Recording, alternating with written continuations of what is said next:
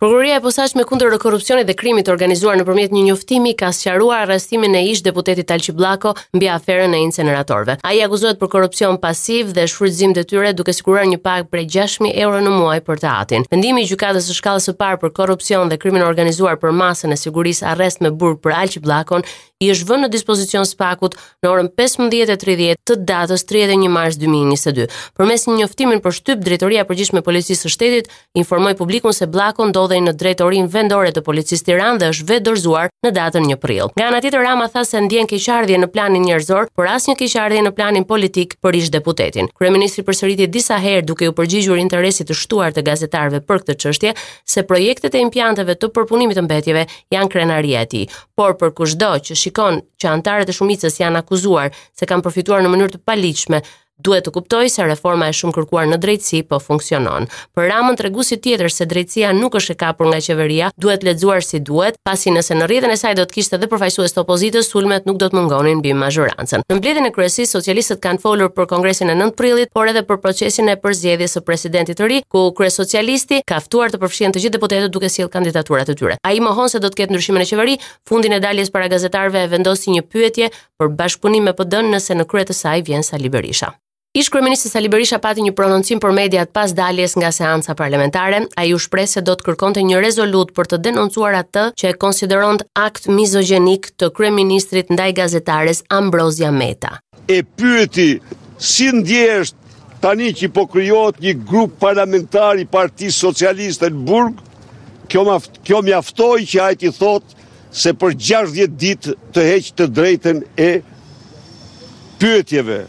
Ju garantoj se me shpirtin e tij të zi, ky person do ishte i gatshëm jo gjashtëdhjetë ditë, po dhe gjashtë mijë ditë ta syrgjinoste në burgje vetëm për këtë akt.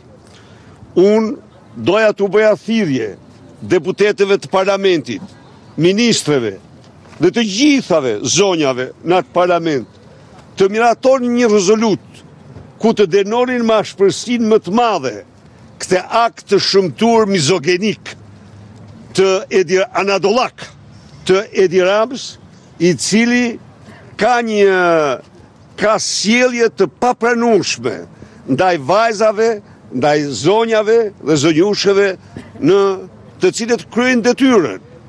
Por Natyrisht, zonja Felaj nuk pranoi të më ipte fjalën, atëherë u detyrova të dal këtu para jush për të denancuar me forcën më të madhe aktin e shëmtuar mizogenik të Edi Ramës. Berisha tha se do të ketë mbledhje të tjera të grupit parlamentar dhe u shpreh se ideja e komisionit të rithemelimit është bashkimi në diversitet i partisë. Po ashtu, ai shtoi se Partia Socialiste do të dështojë me turp të madh nëse nuk njeh komisionin e rithemelimit dhe nëse vazhdon praktikën e blerjes së deputetëve.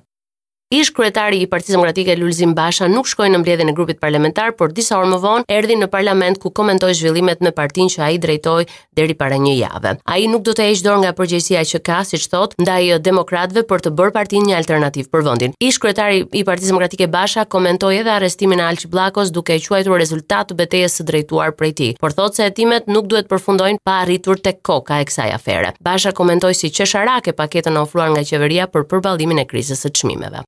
Edi Rama në një interpelancë me opozitën për politikat në sektorin e bujqësisë foli për afër 30 minuta për vizionin që ka qeveria e tij për të mbështetur fermerët, të cilët u përfshinë edhe në paketën e rezistencës sociale, duke u shtuar fondi për naftën pa taksa për ta. Kryeministri i cili që në opozitë mbështeste bashkimin e fermerëve për t'u fuqizuar, sqaron përse është e vetmja mënyrë që bujqësia të ringrihet. Ai u kujtoi demokratëve sulmin që i bënë kur paralajmëroi krizën energjetike që ka prekur çdo vend në glob. Përsëriti se nuk ka rritje të çmimit të energjisë për konsumatorët familjarë, por paralajmëroi se si pjesë e politikave të kursimit mund të përjashtohen nga mbështetja familjet me të ardhura të larta. Rama u ndal tek çdo pikë e paketës së rezistencës sociale dhe e pranoi se po vetëpërmbahej për të mos debatuar me deputetët e opozitës, të cilët ndërhynë duke ironizuar këto masa të qeverisë. Në seancën kur parlamenti duhet të votonte për aktin normativ që prek buxhetin për të përfshirë fondet për paketën e rezistencës sociale, nuk kanë munguar debatet pikërisht për arrestimin e deputetit socialist Bllako.